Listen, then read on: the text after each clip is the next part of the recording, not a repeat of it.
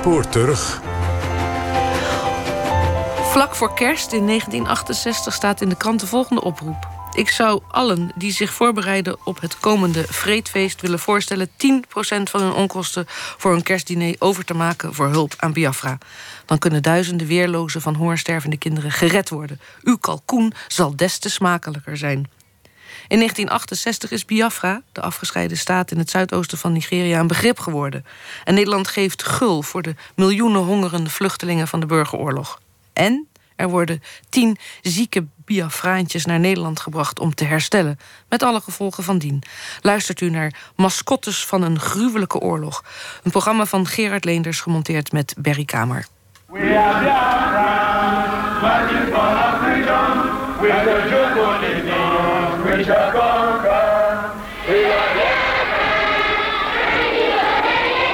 Nederland heeft pas belangstelling gekregen toen ze de honger zagen. Al die weesje kinderen met die uitgemergelde lichamen. Ik heb er nachtmerries van gehad.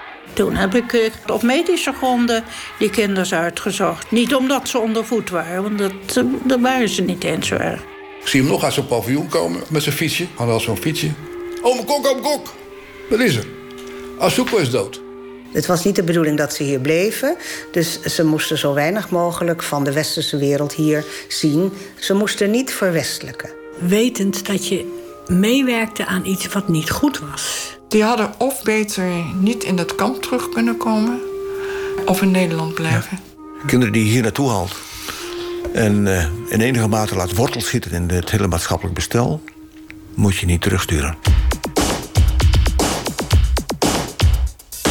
Ik ben J. Ebere, ik ben 50 jaar, geboren 5 februari 1967. Ik ben uh, geboren in uh, Nigeria, Biafra. Aan het woord is Cherry J. Ebere. Voordat zij zich vrouw voelde en werd, heette hij Chukwidi Ebere. Een van de tien Biafraanse kinderen die vanuit Biafra naar Nederland worden overgebracht. Ja, ik woon sinds uh, 1968 in Nederland. Ik ben ehm, in Nederland binnengekomen bij het revalidatiecentrum. Je had polio, hè? Ja. ja. En uh, ja, daarvoor moest ik behandeld worden. Heb je her überhaupt herinneringen aan Biafra? Nee. Weet ook niet hoe je hier naartoe bent gekomen? Nee, nee, ik weet er helemaal niks van. Als je dus wilt weten hoe en waarom Sherry J. en de andere negen kinderen naar Nederland zijn gekomen, dan moet je niet bij haar zijn. Daarvoor moet je te raden gaan bij journaliste Marie-Louise Schipper, die vorige maand het boek Goede Bedoelingen publiceerde. Hierin reconstrueert ze de totstandkoming van een bijzondere hulpactie met onvoorziene gevolgen. Even de foto te zoeken waarmee het allemaal begon. En in de kranten verschenen de kop Biafraanse kinderen terug naar Afrika. Of uh, Biafraanse kinderen gezond terug. En dan zie je de vijf kinderen op Schiphol. Het bijschrift luidde... vanavond zijn de eerste vijf in Nederland aangekomen Biafraanse kinderen... na ongeveer zeven maanden te zijn verpleegd en verzorgd... naar hun land teruggekeerd. Emmanuel, Margaret, Fidelia, Victoria en Udo Udo. Toen zag ik dat uh, alle kranten erover hadden bericht. Toen dacht ik van, maar dit is iets heel groots geweest. En daar begon het allemaal mee? Daar begon het mee, ja. Het onderzoek van Marie-Louise Schipper begint dan wel bij die ene foto... maar eigenlijk begint het verhaal wat ze vertelt al in 1960... als de voormalige Engelse kolonie Nigeria zelfstandig wordt. Oktober 1960. A new nation is born. Nigeria, the pride of Africa. Nigeria, the land of the Yorubas, the Hausas, the Igbos. De Ibo's waren de ontwikkelde Nigerianen. En die zwermden uit over het hele land. Ook het noorden, wat minder ontwikkeld was. Maar dat heeft frictie gegeven. Cornelia Middelkoop, intussen 90 jaar, is samen met haar man en arts Herman vanaf begin jaren 60 voor de Wereldraad van Kerken werkzaam in het oosten van Nigeria. Er is weliswaar sprake van één land, maar er blijven stammentegenstellingen tussen de Ibo's uit het oosten en de Husa's uit het noorden. Dat leidt in 1966 tot twee staatsgrepen. Eerst een in januari door de IBO's en een half jaar later door de noordelijke officieren, onder leiding van de latere president overste Gowon. En dat is een bloedbad geworden. Op een gegeven moment wilden ze die IBO's weg hebben uit het noorden. Dus daar is echt een bloedbad geweest. En mensen zijn allemaal gevlucht naar het zuiden, naar hun familie. Men, women and children of our kith and kin were taken out of their beds and slaughtered. They were massacred in places of worship, in the streets, in marketplaces, and in vehicles trying to carry them to safety. Duizenden Ibo's werden in hun werk of woonvertrekken door moslims uit het noorden aangevallen. Wie kon, vluchtte naar het oosten, in treinen, in vliegtuigen en op vrachtwagens. Het vliegveld van Inugu was dagenlang vol met angstige vluchtelingen. Artsen kregen gruwelijk verminkten te behandelen. Er zijn naar voorzichtige schatting 20.000 Ibo's vermoord.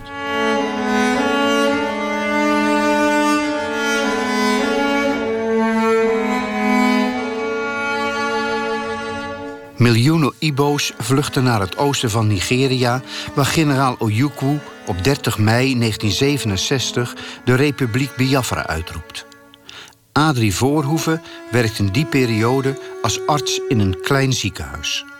Het eerste waar wij wat van ontdekten was eigenlijk toen waar wij zaten in, uh, in de buurt van Onitsha, dat daar opeens in sommige dorpen de bevolking verdrievoudigd was. Door al de vluchtelingen vanuit het noorden.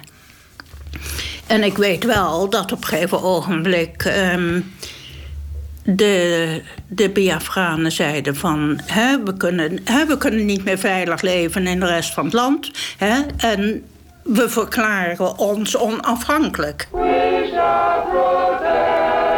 Onze Nigeriaanse vrienden waren allemaal ineens Biafraan. En wij kozen dus niet, ja, niet actief, want je was buitenlander. Maar wij kozen in ons hart voor Biafra. En bovendien was er toen ook nog geen schot gevallen bij ons. Het eerste schot valt in juli 1967. Maar de gruwelen van de oorlog tussen Biafra en Nigeria komen in Nederland nauwelijks in het nieuws. Die aandacht ontstaat pas eind mei 1968, als Biafraanse studenten in Delft het eenjarig bestaan van Biafra vieren. It is better for us to die fighting for our freedom than to live as slaves. Naast Karo's brandpunt is ook Cornelia Middelkoop, even terug in Nederland, daar aanwezig. Met een taart met de vlag van Biafra erop. En uh, toen heb ik voor de camera verteld dat, uh, dat Biafra uitgehongerd werd. Dat Nigeria gewoon een, een, een hele een muur van de legers om Biafra gebouwd had.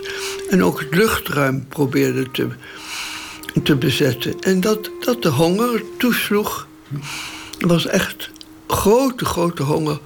En de mensen vluchtten allemaal maar naar dat kleine stuk wat steeds kleiner werd. En daar werd dan nog gebombardeerd ook. Het was verschrikkelijk. Ziekenhuizen werden gebombardeerd, markten werden gebombardeerd, scholen werden beschoten. En, uh, en dat heeft toch de mensen wakker geschud. En toen hebben we die grote actie gehad. En ik denk achteraf dat dat de eerste grote actie was tegen honger. Honger als oorlogswapen. Dit is de terraszaal van Hotel Gooiland in het centrum van Hilversum... waar al een paar dagen, maar zeker vanavond... de actie voor de hongerende slachtoffers van het Biafra-conflict is gecentraliseerd. We zijn vanavond hier in Gooiland overigens begonnen met de televisieuitzending. Het hongerprobleem overheerst, zegt dokter Middelkoop. We krijgen polyklinieken waar we zo'n gemiddeld duizend patiënten per dag zien. En dat is praktisch allemaal ondervoeding. Wat is de, de schatting op het ogenblik van het uh, aantal doden door ondervoeding? Nou, een voorzichtige raming is 6000 per dag. Sterven in Biafra. Hier een meisje. Haar broertje is getuige.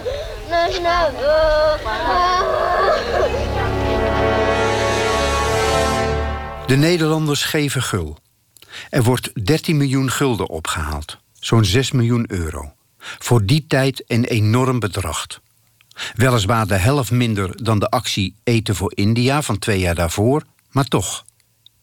Het geld wordt besteed door de hulporganisaties aan voedselvluchten naar Biafra vanaf het Portugese eiland São Tomé. Dat wordt de vierde vlucht met uh, voor de Biafranen. Er zit uh, 31 ton aan boord op het ogenblik. En dit is gecondenseerde babymelk. Wij wisten dat het een druppel op een groeiende plaat was. Ja. Maar ja, wat doe je? Die druppel kies je dan voor. Je zegt natuurlijk niet, nee, niks meer brengen. Dat, dat, dat kan niet. Het was erg. Het was heel erg. Ja, het is een. Uh, het, het trieste was ook dat uh, vrouwen. De vrouwen waren natuurlijk ook ondervoed. Hadden ook geen borstvoeding meer. Dus, dus wat er dan nog aan kindertjes geboren werd, die redden het niet. Eind september verschijnt er in de kranten het bericht dat de zieke Biafraanse kinderen naar Nederland zullen worden gebracht. Mede op verzoek van de Biafraanse regering. Hulporganisatie Terre Zom, opgericht voor ondersteuning aan kinderen in oorlogssituaties, wil wel meewerken aan een plan om Biafraanse kinderen in Nederland te laten herstellen zo zeggen ze in het journaal van 1 oktober 1968. Uh, wij mogen dus kinderen hier naartoe halen... waar in uh, Afrika geen medische hulp voor mogelijk is. En verder moeten wij dus een bepaalde garantievorm kunnen overleggen... waaruit blijkt dat de kinderen dus niet op de staat terug zullen vallen. Het zal dus voor een tijdelijk verblijf zijn... voor kinderen waar beslist geen hulp in Afrika voor mogelijk is. En met, nogmaals dus met de garantie dat wij ze dus financieel helemaal op kunnen vangen. Dat zal dus nog een probleempje worden, want dat geld hebben we nog niet. We hopen dat het komt. Ook de vertegenwoordiger van de Biafraanse vereniging in Nederland legt de nadruk op een tijdelijk verblijf.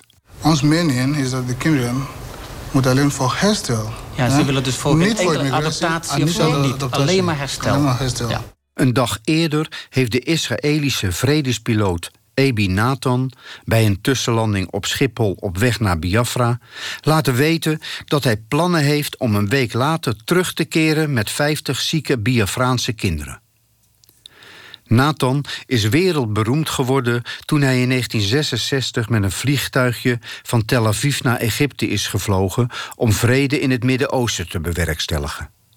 En nu had hij zijn zinnen gezet om alle mogelijke hulp aan Biafra te geven. 25 years ago, the whole Jewish people was about to be exterminated, and the world stood still.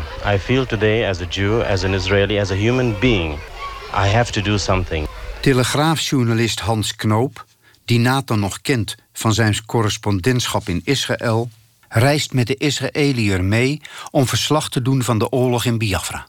Knoop bezoekt vluchtelingenkampen, maakt bombardementen mee en volgt Ebi Nathan. Op een bepaald moment vertelde Ebi dat hij een gesprek had gehad met een arts in een ziekenhuis.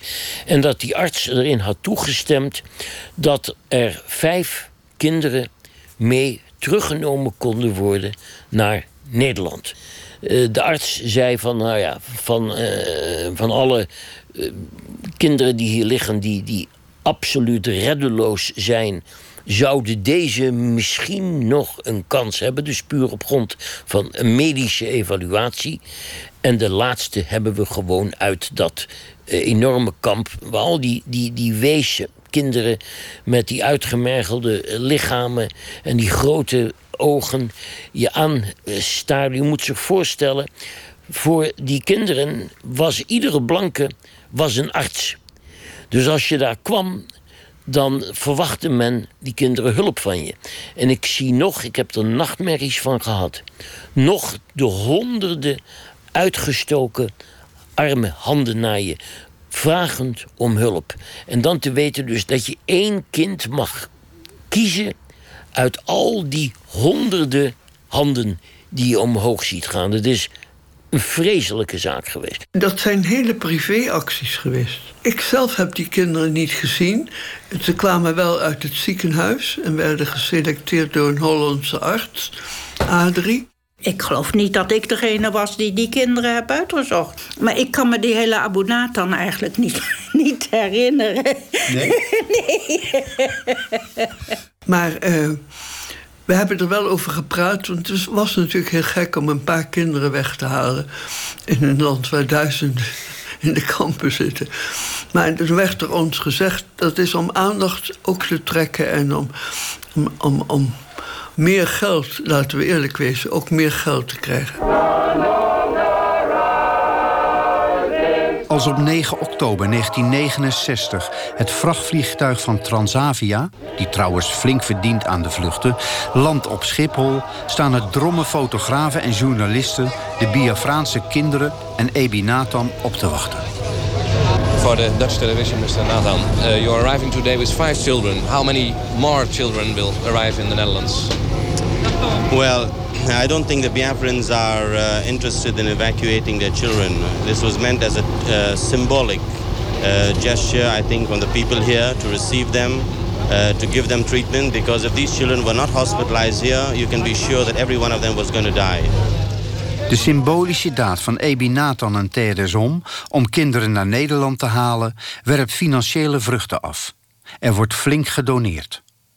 De vijf kinderen, Emmanuel, Udo Udo, Victoria, Margaret en Fidelia worden overgebracht naar de buitenkliniek Oud-Bussum in Huizen. Een hemofiliekliniek onder leiding van professor van Kreeveld. Die beschrijft wat de kinderen mankeren.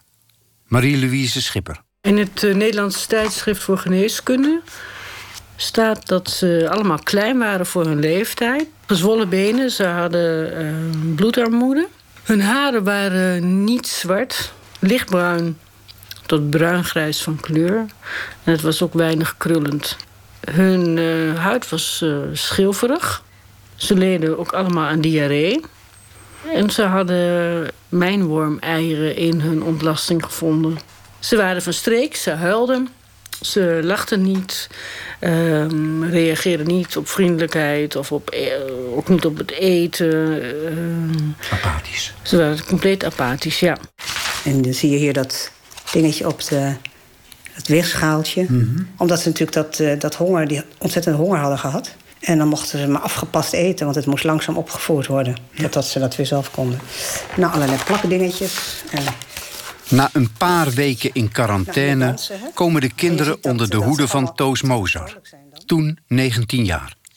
Ze is de vaste verzorgster van de vijf kinderen en heeft een paar opdrachten meegekregen. Ze moesten niet verwestelijken, want ze gingen zeker weer terug.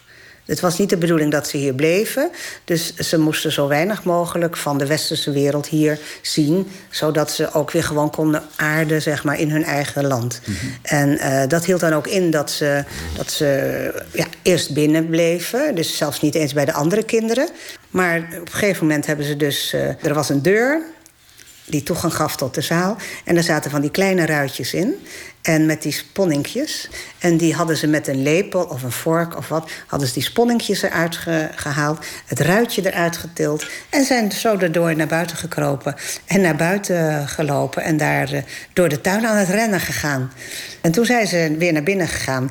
Ja, en daarna mochten ze gewoon altijd naar buiten als ze dat wilden. Met de andere kinderen spelen. Om enig contact te krijgen zorgt Toos ook voor muziek. Vooral La Flûte Indienne valt in de smaak. Ze keken om zich heen en ze zeiden... Biafra, Biafra. Ja, ja, echt waar. Ja, dat was... Dus toen... Uh, en, en op een gegeven moment ging dat verder. En ik zei, nou, ga maar dansen en zo, weet je wel. Dan ging ik ook een beetje dansen. Nou, zij ook dansen. En uh, nou, ze waren helemaal opgefleurd. Totdat er een keertje iets ingesproken werd. En toen zeiden ze, Nigeria, Nigeria. Toen werden ze boos. En toen heb ik ze kunnen uitleggen dat dat niet Nigeria was. En toen was het ook al wel goed. Terwijl de voedselhulp vanuit Sao Tomé naar Biafra onverdroten doorgaat... in november 700 vluchten... wordt ondertussen een tweede groep van vijf kinderen samengesteld... om naar Nederland te worden overgebracht. Puur op medische gronden maakt dokter Adrie Voorhoeven dit keer wel een selectie. Wat ik mij herinner is met name Chukwudi met zijn polio. Die, uh, echt met helemaal verlamde beentjes, waarvan ik dacht van ja, hij zal altijd wel verlamd blijven, maar hij kan in een rolstoel, hij kan he, leren zichzelf te redden. En een van de jongens was ook een jochie met epilepsie, dacht ik. En dat was natuurlijk ook, hè, als je geen, geen medicijnen hebt en geen regelmatige, niet iemand die die ook regelmatig geeft, dan heeft zo'n kind natuurlijk ook weinig kans.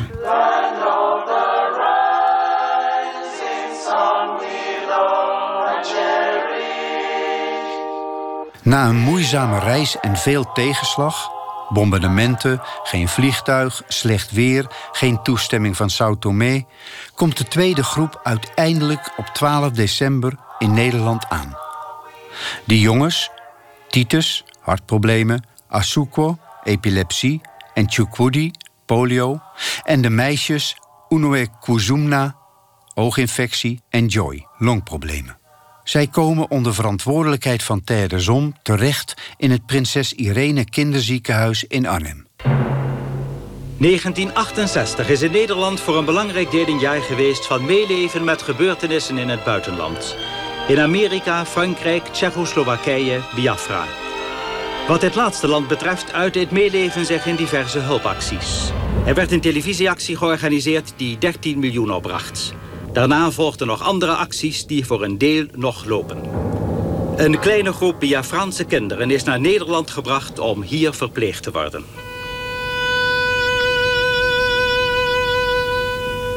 Chukwudi en Azukwo knappen snel op en worden overgebracht naar het bio-revalidatiecentrum in Wolfhezen, vlakbij Arnhem. Chukwudi wordt behandeld door fysiotherapeut Kok van den Berg. Vanaf de eerste dag dat hij bij ons kwam, ja, krijg je een klein kindje in je handen. Uh, ja, anderhalf jaar. Misschien een jaar, anderhalf jaar. Ja, met twee heel verlamde benen en natuurlijk vreselijk angstig. En, maar ja, hartstikke leuk om te zien, zo'n klein, zo'n klein zwart kindje. En noem maar op, uh, geweldig. Maar goed, je zag wel dat hij zwaar gehandicapt was. En ja, zo vanaf die eerste dag heb ik hem eigenlijk op de behandeltafel ja, letterlijk aangeraakt. En ben met hem aan de gang gegaan. Ja, en ik zag hem vier, vijf, vijf keer per week. Een uur, anderhalf uur. En ja, ik ging ook met hem in het zwembad. Ja, en dan ontstaat natuurlijk toch een band met zo'n kind. Ik bedoel, ja, als je de kind elke dag ziet... Ja, en op een gegeven moment ging hij mij oom noemen. En als dan de andere kinderen ook dan noemde oom... Oom Cor, zo noemde, noemde ik mij toen... Um, was hij boos? Nee, het is mijn oom. Volgens mij noemde ik hem toen Ome Cor. Ja, ja hij, heeft me eigenlijk uh, leren lopen en dat soort dingen. Met beenbeugels. Verder uh, kan ik me ook niet zo heel veel meer van herinneren. Annie Gemser, de intussen overleden vrouw van voormalig schaatscoach Henk Gemser, is ook fysiotherapeut op het revalidatiecentrum. Zij merkt dat de kinderen in de weekenden vaak alleen achterblijven. Het was eenzaam. En uh, reden voor, dus, uh, voor twee van die medewerkers, uh, een collega van, van Annie en Annie zelf, die besloten iedereen zo'n jongetje, dus dat is in de vrije tijd in de weekenden mee te nemen naar huis toe. Dus ik kreeg de aankondiging. Ik neem een van die jongetjes, die neem ik mee vanavond naar huis toe. En dat vind je wel goed, hè? Iets in die geest. Ik zei, oh joh, dat is best. En ja, toen kwam hij bij ons het weekend thuis. En dan maak je kennis. En dan, uh, dan uh, de, maak je het entree in de, de, de, wereld van die jongen. En uh, binnen de kortste keren, na twee, drie weekenden... was je helemaal ingeburgerd in dus de procedures bij Huizen Gemser. Of aan boord van Gemser. Mm -hmm. het was geen huis, hè. En, en het, het was een feest. En van een zaterdagmiddag werd het dus hele zaterdag. En van een hele zaterdag werd het de zaterdag en een zondag. En, nou, en zo gaandeweg kwam er steeds meer naar ons toe. Maar kon dat zomaar? Mocht je zomaar een kind meenemen? Ja, ja, ja. ja. Daar heb nooit een bezwaar over gemaakt. Nee, je gaf gewoon door aan de paviljoensleiding van... luister, ik, ik kom hem zaterdag ophalen. Of ik neem hem een weekend mee. Ja, nou, er heeft nooit iemand aan mij gezegd van... mag niet, of wat dan ook. Of, nee.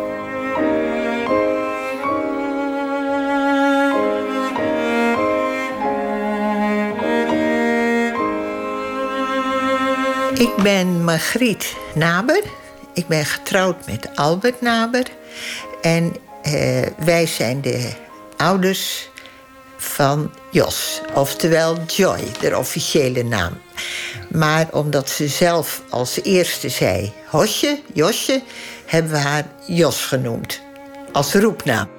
Margriet heeft in de verpleging gezeten en Albert is KNO-arts.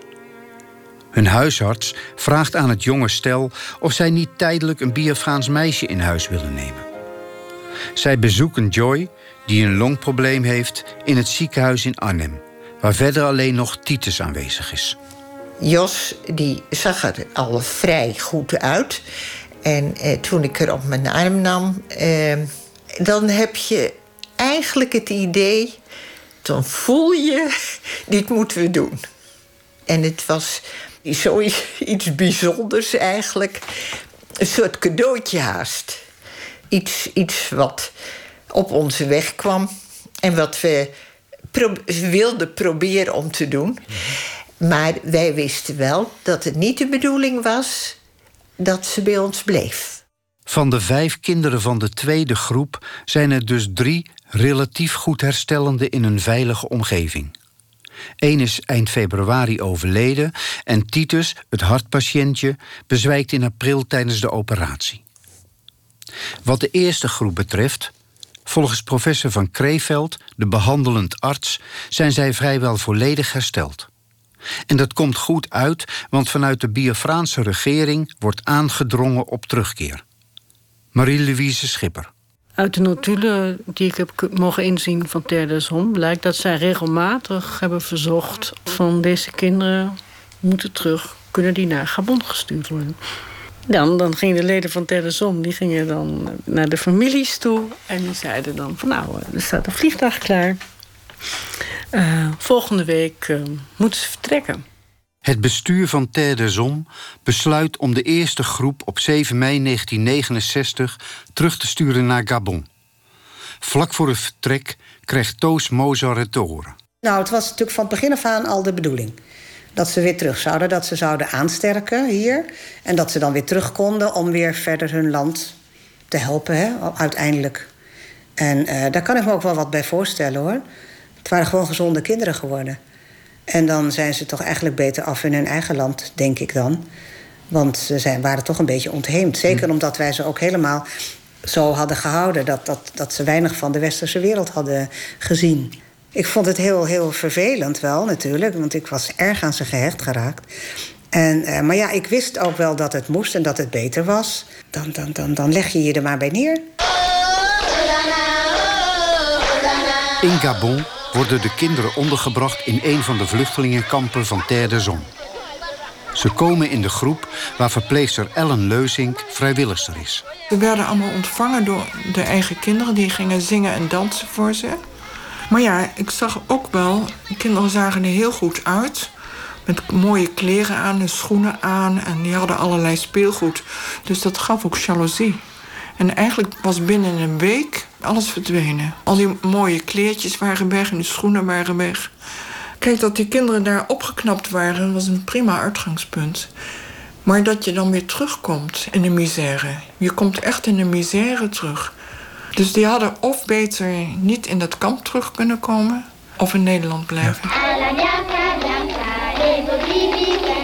omdat de oorlog en de hongersnood in Biafra blijven voortduren, vragen de hulpinstanties in 1969 op televisie meermalen om geld voor voedsel, medicamenten en opvang. Ook Ter de Zom. Meneer Sauvagie, wat doet de stichting Ter de Zom voor Biafra? Ter de Zom is een vrijwilligersorganisatie die werkt voor kinderen in nood. In Biafra zelf exporteren wij een, een sickbay. Verder hebben we dus een aantal kinderen overgebracht naar Gabon, het buurland... waar er nu nog 230 430 sorry, uh, verblijven onder de hoede van Ter de Zon. En dan zijn er nog uh, tien Biafraanse kinderen naar Nederland overgebracht... voor medische verzorging, waar er hier nog drie van verblijven. De drie overgebleven Biafraanse kinderen, Joy, Shukudi en Asukwo... verblijven nog steeds deels bij hun gastouders. Margriet en Albert Naber verzorgen Joy als hun eigen kind. We hebben dezelfde huisarts gevraagd. En uh, de longarts hebben gevraagd om foto's. En ze heeft ook de medicatie gehad van de longarts. We hebben zelf een kinderpsychologe gevraagd om te kijken of we het goed deden. Maar we hebben verder geen enkele instantie gezien of gehoord... Uh, die uh, zei of ons coachte of zo. Henk en Annie Gemser verzorgen Asuko liefdevol als hij weer eens een epileptische aanval heeft. Die epileptische aanvallen die waren tussen twee, drie keer in de week waren die super heftig. En hij was dan uh, zo zwaar in zijn, uh, zijn, uh, zijn aanvallen dat hij ook agressief was en zichzelf dreigde te beschadigen. En kon soms wel eens een half uur duren. Goddomme. Dan, dan sliep hij een dag na die tijd. Dan was het lichaam zo verschrikkelijk vermoeid. Dan, dan was hij dus soms wel 24 uur aan één stuk door was hij aan het slapen. Kok van den Berg en zijn vrouw merken dat de gehandicapte Shukwudi zich steeds meer bij hen thuis voelt.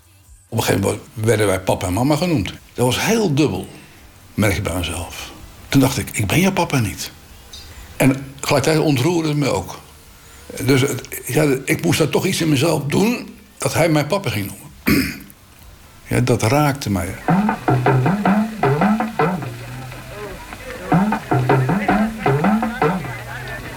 The war is over. 15 januari hield de onafhankelijke republiek Biafra op te bestaan. De onvoorwaardelijke overgave werd overgebracht door generaal Philip F. Fiyong... opvolger van Ojukwu, die vlak voor de capitulatie was uitgeweken. I, Major General Philip F. Fiyong, now wish to make the following declaration. That the Republic of Biafra hereby ceases to exist.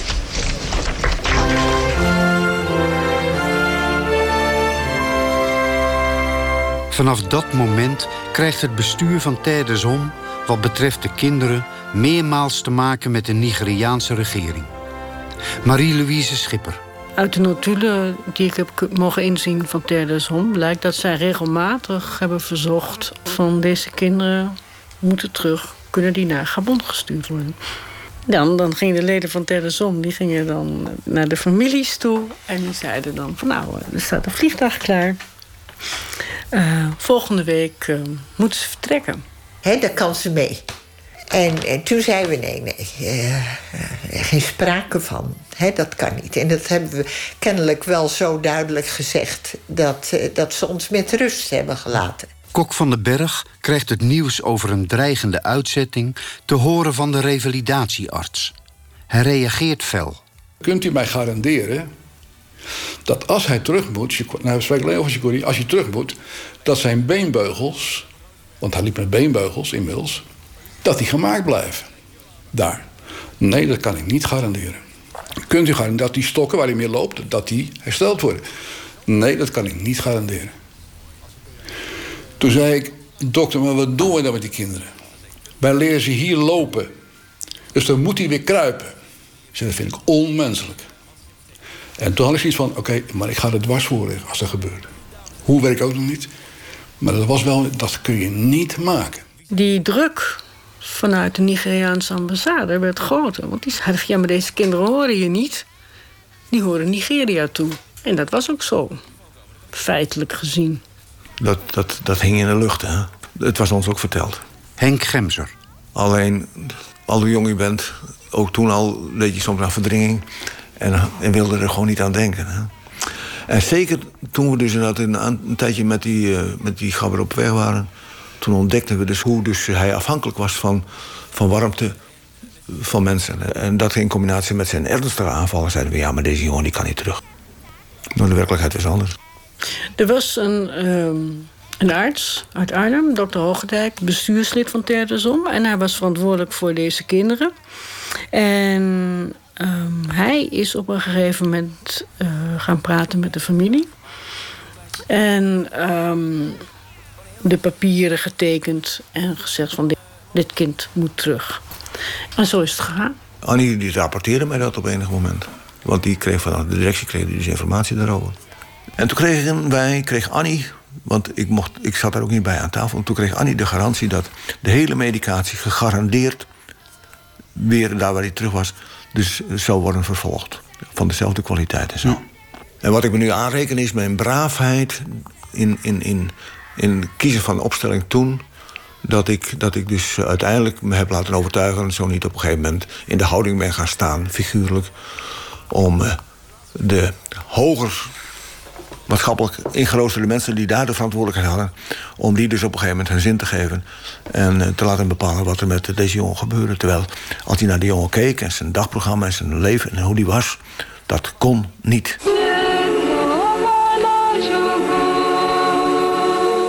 Ann Koster is dan hoofdlijster op het biorevalidatiecentrum en vanaf het begin betrokken bij de Biafraanse kinderen.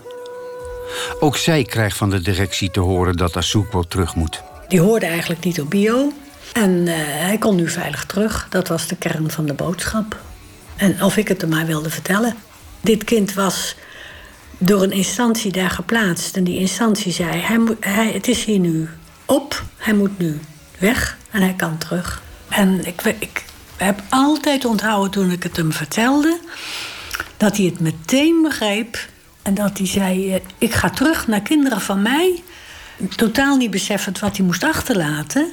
Maar wel, ik dacht, nou, er is iets wat hem, wat hem toch heeft blij gemaakt. Dat, dat heeft mij wel heel erg geholpen.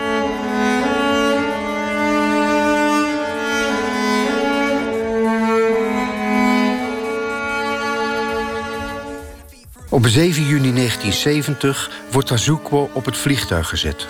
Hij gaat eerst voor een paar maanden naar een opvangkamp in Gabon... en daarna wordt hij gerepatrieerd naar Nigeria. Een jaar later komt het bericht dat Asukwo in een weeshuis is overleden. De eerste waar ik het van hoorde was van Panchikuri. Ik zie hem nog uit zo'n paviljoen komen met zijn fietsje. Had zo'n fietsje. Ome kok, ome kok. Wat is er? Asukwo is dood. En toen dacht ik, dit kan niet. Dit kan niet. Daar heb ik niks van meegekregen. Ik heb daar uh, wel op latere leeftijd uh, wel heel veel moeite mee gehad en nog steeds. Ja, het doet mij wel heel veel pijn. Ja. En ik denk wel regelmatig aan van... Uh, God, hoe zou het zijn als hij nu nog hier zou zijn? Ja. Het feit dat je, dat je kinderen iets aandoet... waar zij de rijkwijde niet van kunnen overzien... maar wij wel, dat verwijt ik mezelf nog steeds. Het was en het is onze jongen. Verdorie. Ik begin bijna weer te janken, man. De angst dat Joy ooit moet vertrekken... doen Albert en Margriet Naber besluiten... een verzoek in te dienen om Joy te adopteren. We gingen naar binnen en die rechter die, die was een beetje boos... want de lift was uh, stuk en, en, ze kon niet goed lopen. En dat had een kind gedaan, die had er een stok tussen gestoken. In ieder geval, ze, ze mopperde wat en ze liep moeilijk... En uh, ja, ja, ja, nou goed. En toen zei ze, ik heb uh, lang gezocht in boeken... en ik heb niet gevonden dat er in Nigeria kinderrecht was. Dus als er geen kinderrecht is... dan hebben ze ook niet recht op dit kind. Dat was haar verhaal. Toen zijn we met elkaar uh, ergens gezellig gaan eten... en dat was het. Kok van den Berg krijgt bij zijn verzoek om adoptie iets geheel anders te horen. Er was geen overeenkomst tussen Nederland en Nigeria... waardoor die kinderen niet geadopteerd konden worden. Ondanks de stilzwijgende toezegging dat Chukwudi mocht blijven tot na zijn operatie, blijft de angst voor uitzetting als een zwaard van Damocles boven huizen van de berg hangen. Kijk, en het speelde zo dat op het moment dat, dat geopereerd gaat worden, dat was toen hij jaar of 12, 13 was, 14. Hij wordt geopereerd bij zijn operatie van een uurtje of 6, 7. En het eerste wat er gebeurt, op het moment dat hij bijkomt uit de narcose, waar mijn toenmalige partner aan zijn bed zat, toen zei die mama, moet ik nu terug? Die angst heeft altijd bij hem gespeeld. Mm. Tot het moment dat hij uiteindelijk zijn Nederlandse paspoort krijgt. Omdat hij 18 is, kan worden genaturaliseerd. En dan is hij veilig. En dat heeft hij ook echt zo ervaren. Nu ben ik veilig.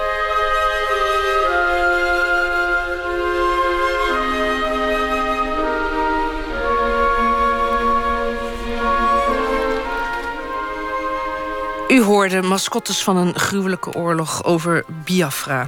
Een programma van Gerard Leenders, gemonteerd met Berry Kamer. Met veel dank aan de, van de hulp van Marie-Louise Schipper. Zij schreef het boek Goede Bedoelingen... de onvoorziene gevolgen van internationale noodhulp. Trouwens, van de eerste groep kinderen heeft Marie-Louise Schipper in Nigeria nog twee overlevenden gevonden. En Joy wilde liever niet geïnterviewd